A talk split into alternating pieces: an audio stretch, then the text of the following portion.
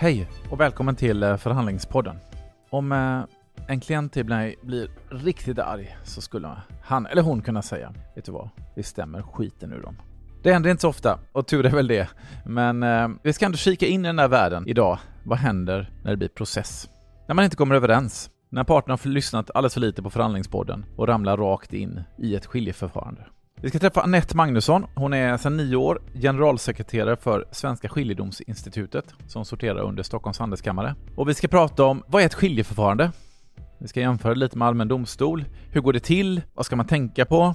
Också bara göra en liten spaning för det är rätt kul för att just Stockholms handelskammares skiljeförfarande är ju världsberömt. Och många, många internationella tvister löses där, så att hur blev det så? Och det här med förhandling inför en process. Ska man hota med en process? Vad händer? Gör man det för mycket? Sen också en förlikningsförhandling under processen. Hur går det till och vad ska man tänka på? Vi ska också prata om det här med medling. Vad är det egentligen? Är det någonting som man kanske ska tänka på när man skriver sina avtal? Så eh, nu ska vi lära oss vad som händer på andra sidan när vi inte kommer överens. Ja, det kan bli lite tekniskt kanske, men både jag och Anette försöker, trots att vi är två jurister, få det så begripligt som möjligt. Så att jag hoppas att ni eh, ska få mycket värde av det här avsnittet. Jag som driver den här podden heter Karl Fager. Jag är advokat på Max advokatbyrå. Känn er varmt välkomna. Nu kör vi!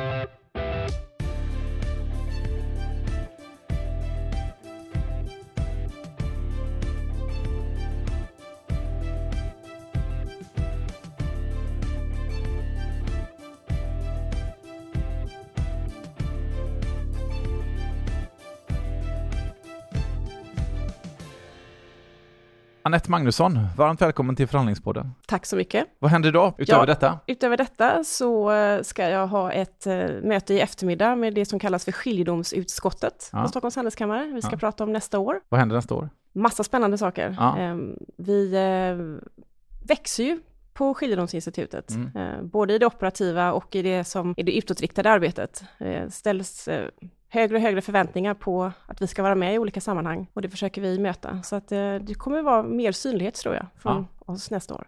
Och det, det kanske kan vara vara bra för att det är väl ganska hemligt, eller det ska ju vara lite hemligt. Vi sitter när vi, när vi som håller de kommersiella förhandlingarna säger att vi ska undvika process till varje pris. Och om det blir process så får du gå upp till vår processavdelning där på andra våningen, de sköter det. Och just kommer man in i skilje förfarandefacket så är det dessutom en hemlig process. Så att ni som är lite hemliga, kan du inte berätta lite om Skiljedomsinstitutet och, och vad ni gör och, och, sådär? Man kan ju säga det här med hemlig, det är väl en sanning med modifikation, att själva processen är ju inte hemlig i sig och det vi gör är ju, är ju inte hemligt. Det som är hemligt är ju vilka som använder processen och vilka exakta tvister vi har. Men vi berättar ju väldigt gärna om hur ett skiljeförfarande går till och hur vi handlägger de här tvisterna. Eh, och det gör vi regelbundet. Vi är ute ganska mycket och berättar om svenskt skiljeförfarande. Så, nu får du chansen igen då. vad, vad händer då att, att man har en en förhandling om en, man är inte överens om en, man har köpt en, en robot och det är fel på den roboten. Tycker eh, köparen och säljaren tycker inte att det är fel och man förhandlar och diskuterar, kommer inte i mål. Eh, man har en skiljeklausul, det vill säga det står i avtalet att man ska gå till skiljeförfarande och man skickar in en så kallad påkallandeskrift. Vad, vad, vad händer där? Kan du, kan du berätta om ett skiljeförfarande? För det är inte alla som varit i det och det är kanske inte alla som riktigt vet vad, vad det är. Och sen tänkte jag att vi också ska jämföra det mot om man går till allmän domstol. Ja, du är inne på något väldigt viktigt där. Det krävs att det står i avtalet att man ska gå till skiljeförfarande. Och för att man ska kunna vända sig till oss så behöver det stå att man ska vända sig till Stockholms Handelskammares skiljedomsinstitut. Och att det ska avgöras av oss enligt våra regler. Så man sätter igång det här förfarandet genom att skicka en påkallelseskrift och det som händer då det är att vi granskar den här eh, skiljeklausulen och kollar att det har hamnat rätt, att det är vi som ska ta hand om det här. Och sen så delger vi svaranden och så, så sätter processen igång. Och man kan säga att det som är det viktigaste uppgiften för oss inledningsvis, det är att se till att vi får en skiljenämnd på plats. Det kan vara en eller tre personer. Vi gör en uppskattning av värdet på den här tvisten, eh, därför att arvoden till skiljenämnden bestäms utifrån det omtvistade värdet i tvisten. Mm. Och så sätter vi preliminära arvoden till skiljenämnden och det här ska då betalas in som ett förskott inledningsvis. Ibland kan det vara processuella frågor vi behöver bena ut. Det kan ha att göra med just, har vi jurisdiktion eller inte? Är det rätt parter som är involverade? Så de här frågetecknen behöver vi räta ut. Mm. Och när allt det här är på plats, då, och vi har en skiljenämnd, eh, då hänskjuter vi tvisten till skiljenämnden och då börjar det så här arbetet med sakfrågorna som man bråkar om.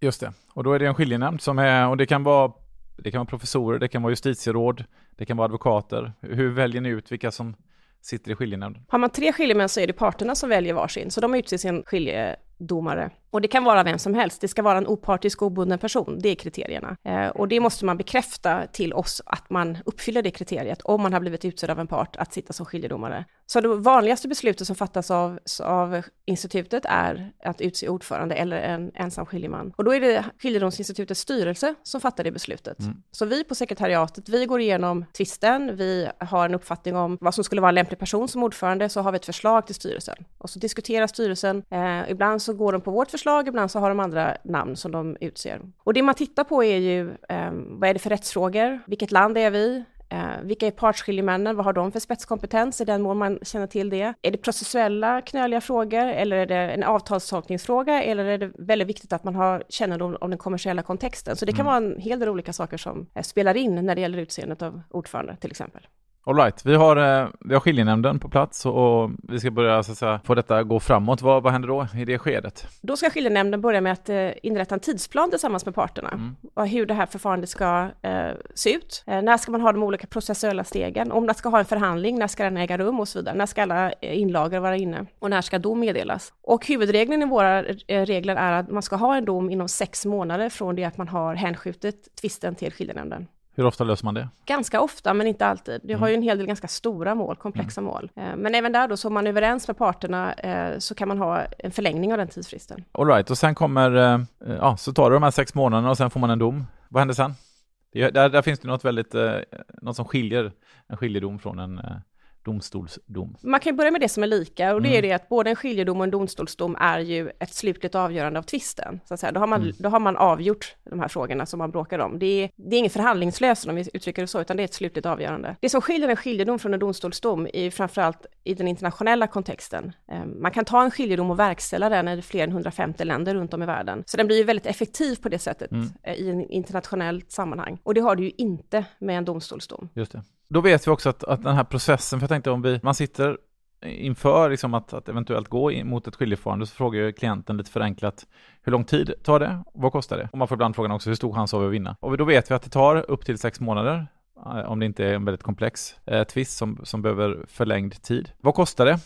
Du har varit inne på att det har man tariffer beroende på, ja, som i mitt inledande exempel där vi har en robot som vi tvistar om och felet kan bedömas till 8 miljoner. Okej, då går det liksom in i en tariff och så faller det ut lite. Vad, vad, om det ger bara liksom lite mellan tummen och pekfingret beroende på tvistens värde, vad kostar det? Det man kan göra är att man kan gå in på vår hemsida, det finns en kalkylator där, så man kan okay. bara skriva in vad har vi för omtvistat värde och så kan man välja vilka regler man har och så kan man eh, ange om det ska vara en eller tre skiljemän och så får man ett, ett belopp där då helt enkelt. Smidigt. Eh, och den används ganska mycket, vi ser ju på hur trafiken på hemsidan ser ut, att det är en av de förstås då mest populära sajterna, eller mm. delar av sajten som man besöker då. Men det, det stannar inte där, för sen har man ju ofta då sina egna advokater och motparten har eh, advokater. Mm. Vad har ni för regler kring hur, hur man liksom fördelar de kostnaderna? För det kan ju också vara betydande kostnader. Den största kostnaden i, i tvister är ju arvoden till eh, ombuden. Mm. Och då är huvudregeln den, eh, och det känner man igen från svensk sida, att man kan yrka då på att eh, som vinnande part att man, motsidan ska stå för alla ens eh, ombudskostnader.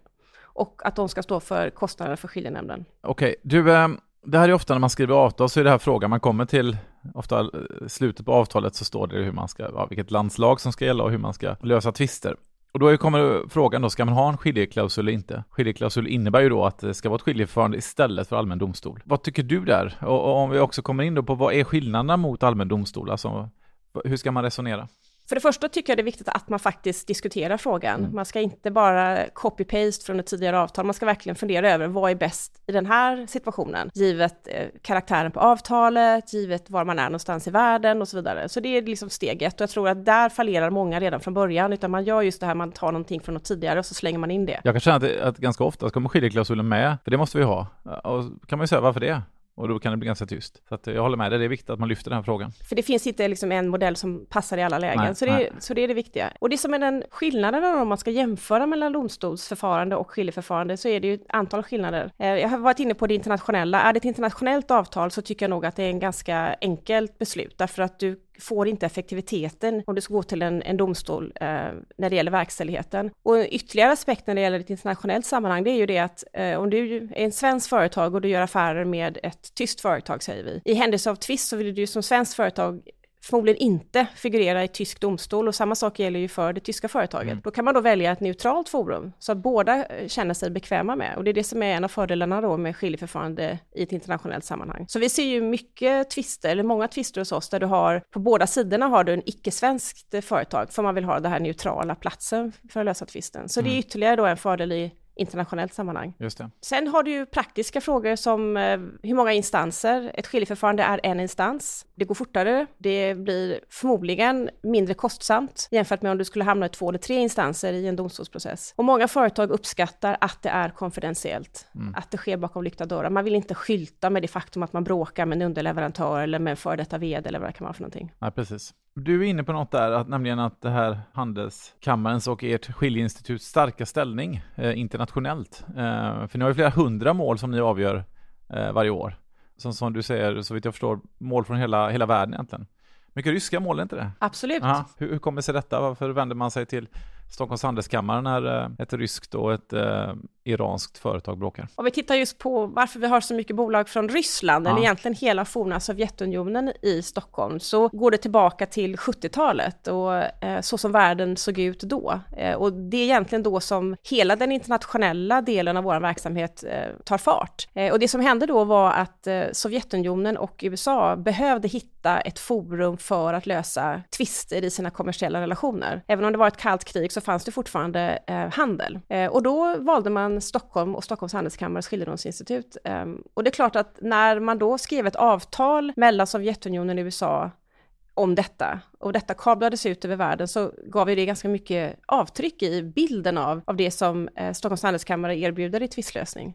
Och då var det ju så att på den tiden så var det ju ett begränsat antal eh, organisationer som hade internationell handel i det som då var Sovjetunionen. Och då mm. hamnade Stockholms handelskammares skiljedomsinstitut i många modellavtal där. Och sen som vi liksom fast forward några årtionden så det är klart att då förändras världen, kartan förändras och internationell handel på något sätt exploderar eh, också i den här delen av världen. Men då var man väldigt van vid att använda Stockholms handelskammare. Så att det, det har blivit en norm under väldigt många år att när ryska eller ukrainska eller kazakiska eller överhuvudtaget företag från den här delen av världen gör internationella affärer, då känner man sig väldigt trygg med att eh, skriva in Stockholms handelskammare i sin tvistlösningsklausul. Snyggt. Vad har ni för framtidsplaner i den delen? Du inledde med att säga att ni har planer för nästa år etc. Vad, vad, hur, hur vill ni liksom ta bli ännu starkare på ännu fler marknader eller hur, hur jobbar ja, ni med det? Vi ser ju att vi, även om vi har någonstans mellan 35 och 40 olika nationaliteter som är representerade i våra mål idag, så det har blivit en otroligt stor mångfald om man tittar på det, så har vi fortfarande en stor grupp av mål som kommer just från forna Sovjetunionen. Och det tror jag att vi kommer fortsätta ha framöver. Även om naturligtvis konkurrensen, om man ska uttrycka det så, från internationell, eh, internationella tvistlösningsorgan i andra delar av världen är ju, är ju benhård. Vilka är de största då? Traditionellt sett så är ju internationella handelskammaren i Paris, en stor aktör, och de är ju en global aktör på ett sätt som jag tror ingen annan är. Eh, men vi har även starka skiljedomsinstitutioner i London och på senare år även i Singapore och Hongkong mm. har kommit väldigt starkt. Och, och, som sagt, det här med att Sverige, i, när det kommer till att lösa tvister, får en så stark ställning. Vi, vi har ju tidigare haft Jan Eliasson här i podden exempelvis, som också pratar om, om svenskars roll som diplomater. Finns ju något som tangerar det. Vad gör det tror du, utöver rollen i politiken på 70-talet, som var eran kanske grund, men om du ser på svenskars roll i den den internationella tvistlösningen. Vad, vad, vad, tänker du där? Det finns ju en väldigt stark tradition. Jag tror att det, politiken på 70-talet var ju naturligtvis en del av svaret på varför man valde Stockholm mm. i den här situationen. Men det var också att vi hade en stark tradition av att tro på skiljeförfarande och att vi hade en stark lagstiftning och så hade vi duktiga individer som var ute på den internationella arenan och agerade som skiljedomare eller som medlare när det behövdes. Så jag tror att alla de här faktorerna spelade in i bilden av, av Sverige och att man då hade förtroende för Sverige i det läget. Okej. Okay. Vi ska prata lite mer om, om eh, förhandlingssituationen inför en process och också under en process. Därför att eh, vi har ju ofta i den här podden pratat om att vikten av att ha en plan B och plan C. Och det är klart att när man närmar sig en process, eh, vi förhandlar om det här med roboten och vi, vi inser att det här verkar inte riktigt gå, då blir ju plan B en annan, liksom ett alternativt scenario i vart fall. Det är ju en process då, ett skiljeförfarande. Det du ser i de här lägena, även om du kanske inte förhandlar själv av förklarliga skäl, hur påverkar det förhandlingsklimatet att man, att man närmar sig processen och kanske till och med liksom är i processen, ser ni exempelvis den här att man påkallar ett skiljeförfarande, att det används som ett hot och så vidare? Vad, vad, vad har du för erfarenhet där? Det är inte sällan som att, att man har ett, en påkallelse och sen så kanske parterna begär att målet ska vilande förklaras för man befinner sig i förlikningsförhandlingar. Mm. Det händer ju. Och det är ju ganska stor andel av mål som påkallas överhuvudtaget som faktiskt förliks någonstans längs vägen. Hur stor andel är det? Ja, jag har inte exakta siffran, men det är en ganska stor andel. Ja. Um, så jag tror att de flesta ser ju att man vill ju få förmodligen en förhandlingslösning på det här. Det är på något sätt ur ett företagsekonomiskt perspektiv det mest rationella, tror mm. jag, i väldigt många tvister. Och man ska ju ha klart för sig att, att lägga pengar på eh, att titta bakåt, som jag gör när man processar. Och det tar företagets resurser, det tar både i ens i ledningskapacitet, därför att man behöver kanske tillgång till ledningen i tvisten. Eh, det tar pengar och ägnar sig åt det att titta bakåt istället för att faktiskt titta framåt. Det, det vill ju de flesta faktiskt försöka undvika. Mm. Så man vill ju inte processa. Och det tror jag, det är liksom väldigt viktigt att ha klart för sig, att process är ingen kärnverksamhet för de flesta företag, utan det ska man verkligen undvika till varje pris. Eh, sen har du tvister där det det verkligen är viktigt att köra det här hela vägen, för det är en sån avgörande fråga för de som är inblandade. Eh, men det är ju väldigt många tvister som, tror jag, som, som du kan, eh, och de man behöver och vill lösa det innan det har gått hela vägen i förfarandet. Hur, hur hanterar ni de här frågorna? För det kan vara intressant liksom att veta, okej, okay, vi förhandlar och vi kommer inte hela vägen i mål, vi påkallar ett skiljeförfarande, och då, då börjar den här processen, som du säger, att få till en skiljenämnd. Faciliterar ni någon slags eh, förhandlingar eller förlikningsförhandlingar i det läget? Eller gör parterna det på egen hand eller både och? Eller hur, hur går det till? Är... Det är någonting som parterna sköter. Ja. Eller snarare genom sina ombud då. Så det, det, är inte vi inblandade i, utan vi på något sätt går på de instruktionerna som vi får från parterna då. Och när skiljenämnden är på plats då, tar de någon slags roll i detta? Jag tror det varierar. Jag tror ganska mm. få skiljenämnder aktivt går in och försöker eh, få till en förlikningsförhandling. Eh, men det finns säkert de som gör det. Ja. Det är någonting som inte vi ser eh, direkt från sekretariatets sida. Men vad har ni för liksom linje där eh, som institut? Alltså vad, hur tycker ni att det bör vara? Vi har ingen särskild linje kring det. Det viktigaste Nej. är ju att skiljenämnden hela vägen bibehåller sin opartiskhet och obundenhet. Och mm. jag tror att där kan man ju hamna i en konflikt ifall man går in i en, i en medlarroll och sen så går inte medlingen vägen. Att då kliva tillbaka i sin skiljedomarroll, det kan bli uppfattas som problematiskt. Jag tror att det kan nog vara det som gör att man tvekar. För här är det väl lite skillnad, för i, i vissa domstolar, eh, i vart fall vissa, eh, kan ju domarna vara väldigt, väldigt aktiva i att driva mot förlikning. Eh, och det finns ju till och med vissa domare som liksom är berömda för att de är så himla duktiga på att förlika, liksom bara bankar igenom mål på förlikning. Eh, men medan man kanske känner som, precis som du säger, att det är ett skiljeförfarande så är, är, tar skiljenämnden lite mer passiv roll. Eh, hur förklarar du den skillnaden? Ja, det kan nog vara en skillnad däremellan. Eh, anledningen till att en skiljedomare inte gör det är just den här att man vill ha en, en ordentlig marginal till kriterierna för opartiskhet och obundenhet, liksom hur man uppfattas som skiljenämnd. Det bygger så otroligt mycket på förtroende från parterna att, eh, när det gäller det uppdraget som skiljenämnden har fått. Finns det någon risk för att det är ganska många aktörer, ni är en aktör, eh, skiljenämnden är aktörer, eh, ombuden är aktörer. Eh, och vi pratar om ganska stora pengar i, liksom i, i arvoden, både till skiljenämnd och till, eh, till advokater. Finns det någon risk att det blir liksom en slags självspelande piano i detta? Att man, att man på det sättet blir en motkraft mot att man ska förlika? Självklart inte medvetet, men att det omedvetet blir så, att det blir liksom en apparat som sätter igång. Jag tror att ett, eh, en, en rådgivare som jobbar utifrån de premisserna tror jag blir väldigt ohållbart i längden. Jag Vi får hoppas det, ja. Jag tror att det blir ja. väldigt svårt att... Uh... Ja, jag tror inte att de medvetet gör det, det hoppas Nej. jag inte, för då tror jag inte man är på den här mm. nivån. Mm. Men det är mer om det är liksom omedvetet, att man sätter, trycker mm. på en knapp och så rullar någonting mm. igång. Och så är det ingen som lyfter handen och säger frågan, vänta lite, vad håller vi på med? Samtidigt kanske man har tömt ut det där ganska långt innan man, man är där. Vi införde ju en ny regel i, i skiljedomsreglerna då ja. förra året som kom till som ett sätt att adressera en uppfattning som fanns inom väldigt stora investeringstvister. Att, och huruvida det var sant eller inte, det, det kan jag egentligen inte, har vi egentligen inget belägg för, men det uppfattades i vissa läger som att det påkallades onödiga mål, alltså frivolous claims, jag har ingen bra svensk mm. översättning på det. Eh, och då ville man liksom på något sätt hindra det och då införde vi en bestämmelse som gäller faktiskt i alla tvister, för det kan ju uppstå även i stora kommersiella tvister, att har man en, en fråga som är på något sätt avgörande för fortsättningen av målet, så får man liksom X eller Y på det på, på, den frågan som svar, så avgör det om det kanske överhuvudtaget är värt att gå vidare med frågan. Och då är det dumt att köra hela förfarandet i botten. Och då kan man alltså begära att den frågan ska avgöras i ett summariskt förfarande inledningsvis, eller någonstans längs vägen då. Och det är väl lite grann att försöka adressera effektiviteten i, i processen, att mm. vi kör inte bara automatiskt allting som kommer upp här. Tycker man att, ja, vänta lite nu, den här frågan, om det här inte är som till exempel kärnan påstår, då är resten irrelevant. Vi, vi prövar den här frågan först. Men upplever du att, det, att apropå andra onödiga, upplever du att det finns for, alltså, företag som driver tvister som man nästan vet att man har, kanske inte kan vinna, men för att få till förlikningar?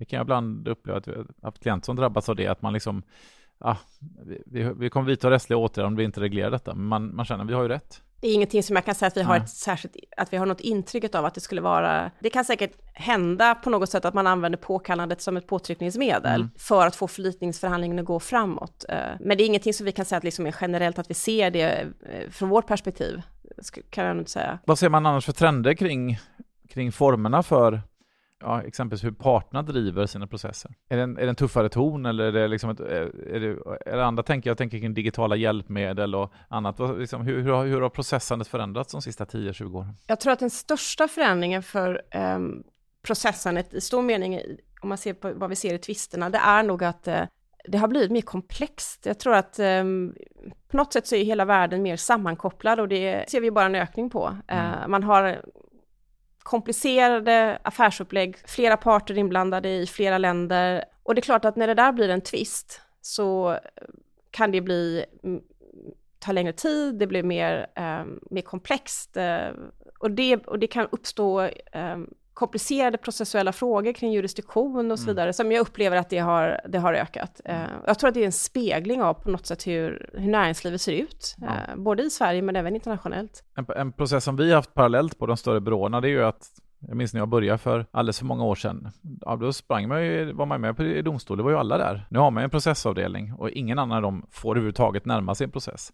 Därför att det, det, och det är väl kanske en spegling av att det har blivit liksom mer komplext, svårare helt enkelt. Ja, men då ska man ha de som är, de som är bäst på det, de som gör det varje dag. Är det, är, det, är, är, är det en utveckling som du ser också generellt? De som vi ser som ombud hos oss eh, gör andra saker på sin byrå eller inte, det är, det är lite svårt för oss att ha någon riktig inblick i, men det är klart att det blir en ökad specialisering. Mm. Det ser vi i kontakter med byråer så att säga, att de kanske har specifik processgruppen på besök hos oss, mm. att man vill ha studiebesök eller liknande. Um, och vi, uh, vi får inbjudningar att vara med på events och konferenser och prata, då är det processgrupp gruppen helt mm. enkelt. Så det är klart att det finns då en, en tendens till ökad specialisering, visst är det så. Och det kanske underlättar ert jobb om det är liksom färre amatörer om uttrycket eh, ursäktas. Ja, jag vet inte om det är amatörer Nej. som är där ute, det tror jag nog inte att det är, men det är klart att... Nej, men det är skillnad om, är, om någon gör det varje dag eller någon gör det en gång om året. Man är bekant mm. med de olika processstegen och, ja. och uh, man vet hur det funkar. Det är klart att det blir ju enklare för alla tror jag. Ja. Du, eh, apropå det här med, med förhandling och förlikning ska vi också prata om en, ett annat verktyg, den så kallade medlingen vad innebär medling? Om vi bara tar det först, för det, det är ju inte så vanligt förekommande, så jag tror, kan tänka mig att många entreprenörer och andra intresserade ute inte, inte riktigt vet vad ens en medling är, även om man, ordet säger ju en del av det. Nej, och det finns många definitioner på medling, mm. så att eh, man menar kanske olika saker, men för mig är medling att man har en tredje person som kommer in och eh, blir en, en facilitator för att komma i, i en förhandlingslösning på eh, konflikten helt enkelt. Mm. Och hur ser du på det, det verktyget? Jag tror det är väldigt bra i många situationer. Listan på fördelarna med medling är ganska lång, mm. skulle jag vilja påstå. Men eh, vi ser ganska lite medlingar i, i Sverige. Vi ser väldigt lite på skiljedomsinstitutet. Vi har ju särskilda medlingsregler som används i ganska begränsad utsträckning. Eh, jag tror att det pågår fler medlingar än vad vi ser. Mm. Och det är ju ad hoc-medlingar helt enkelt. Eh, men i andra länder, i USA inte minst, eller i England, där, man, där använder man medling som regel i alla tvister. Det gör vi ju inte här. Vi har faktiskt ett par eh, så kallade särskilt utbildade medlare på Max då. De, när de håller sina interna dragningar så säger de detta liksom att det här är väldigt stort internationellt och det är väldigt, som du säger, väldigt många positiva egenskaper med det. Liksom man, man kan skapa värden i detta. Eh, framförallt att slippa processen helt enkelt då. Mm. Eh, men ändå används det inte som du säger. Vad, vad, gör ni för att det ska användas mer? Jag önskar jag hade svar på den frågan ja. varför det inte används. Vi har um under många år i olika intensitet jobbat med att lyfta kunskapen om medling. Eh, vi försöker dela framgångsrika medlingar och ha till exempel bolagsjurister som kommer in och delar med sig om varför deras bolag använder medling och jag tror att man behöver positiva exempel och så behöver man nästan få en prislapp på det. Vi, vi la ner tre dagar, det kostade så här mycket och i medling och så här mycket, liksom på något sätt betydde det för oss eh, som företag, rent finansiellt, att vi klarade att lösa det här snarare än att köra en tvist i ett år. Det behövs, tror jag, många sådana positiva exempel. Eh, sen har vi utbildat medlare, har vi gjort i ett par omgångar. Mm överhuvudtaget försöker ha då seminarier kring detta. Västsvenska handelskammaren har ju också ett, ett regelverk, de jobbar ju parallellt med det om man säger, och där är det ju ett obligatoriskt moment innan skiljeförfarandet att ha en medling. Eh, är det någonting som ni skulle kunna fundera på? Ja, vi har ju en särskild klausul som innehåller både medling och skiljeförfarande, mm. så att man kan komma överens om att eh, man ska börja med medling och om någon av parterna motsätter sig det så kör man direkt till skiljeförfarande. Men vi har ändå inte byggt in någon obligatorisk medling i skiljeförfarandet. Nej, och, och för alla som tycker att det här med medling låter spännande, ja, men det låter väl vettigt att man kanske får hjälp innan en process. Ja, lösningen är ju ofta då att när man skriver avtalet så har man det här som tvistlösningsklausul, att först medling, sen skiljeförfarande. Eh, för att sen när man väl bråkar då kan det annars vara så att man är så oense att man inte ens kommer överens om vad man ska göra för att komma överens. Jag tror det är väldigt bra att skriva in det i avtalet från början. Och så blir det inte en, ett tecken på svaghet, för det kan uppfattas ah. så att om man är den som föreslår medlingen, utan då känner båda parter sig bekväma med att faktiskt bara peka på avtalet och säga, men det står ju här vi kör medling, och så testar man det liksom. Ja. Vad tror du om vi eh, kör en ny podd om eh, tio år, kommer medlingsinstitutet ha, ha ökat i omfattning? Det hoppas jag. Mm. Du, eh, vi ska runda av lite här och, och som sagt, eh, förhandlingspodden är nyfikna på vad som krävs för att vara en bra förhandlare och, och, och du ser ju många ombud i, i aktion så att säga. Vad, vad tycker du utmärker ett, liksom en, en, skicklig förhandlare eller den som för en process i, i, när du ser på er verksamhet?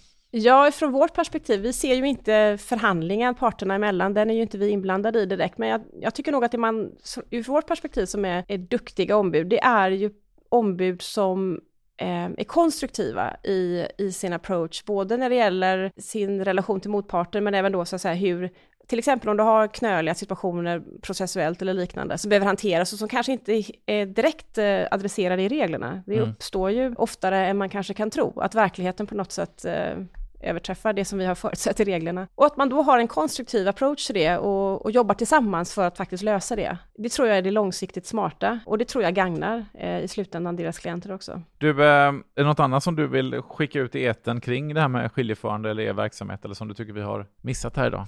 Jag tycker vi ska vara väldigt stolta över det eh, som, som händer i Sverige när det gäller internationell tvistlösning generellt. Mm. Vi har ett otroligt starkt varumärke och det goodwillen träffar alla svenska advokater, skulle jag vilja påstå, som är ute i världen. Det kan ju hända att man, eh, man inte vet så mycket om, om, om Sverige och svensk rätt, men man, men man vet att där har man internationell tvistlösning. Och jag tror även att det är positivt för svensk exportindustri, eh, faktiskt, på det mm. stora hela. Du kanske sitter i Kina och ska träffa en ny affärspartner som du aldrig träffat förut, eh, och de kanske inte vet någonting om dig eller ditt företag eller om Sverige, men de vet att det är till Sverige man skickar tvister. Och det är klart att då kommer ju den svenska företagen in med ett positivt förtroendekapital från första stund i den förhandlingen. Och det ska vi inte underskatta värdet av tror jag. Mm bara några mer tankar kring det du sa nu, för det är klart att det hör till något sammanhang, man pratar om att svensk juridik liksom går på export, eller svenska jurister, det är ju, det är ju rätt häftigt. Det är uh, otroligt häftigt. Vi tog ju fram en rapport i början på året. Vi hade eh, genomlyst, så att säga, våra verksamhet i kombination med hela branschens verksamhet inom internationell tvistlösning, och det finns ju många element i det, inte minst som en besöksnäring. Det kommer ju hit väldigt mycket folk för att eh, sitta i förhandlingar och ibland är de långa.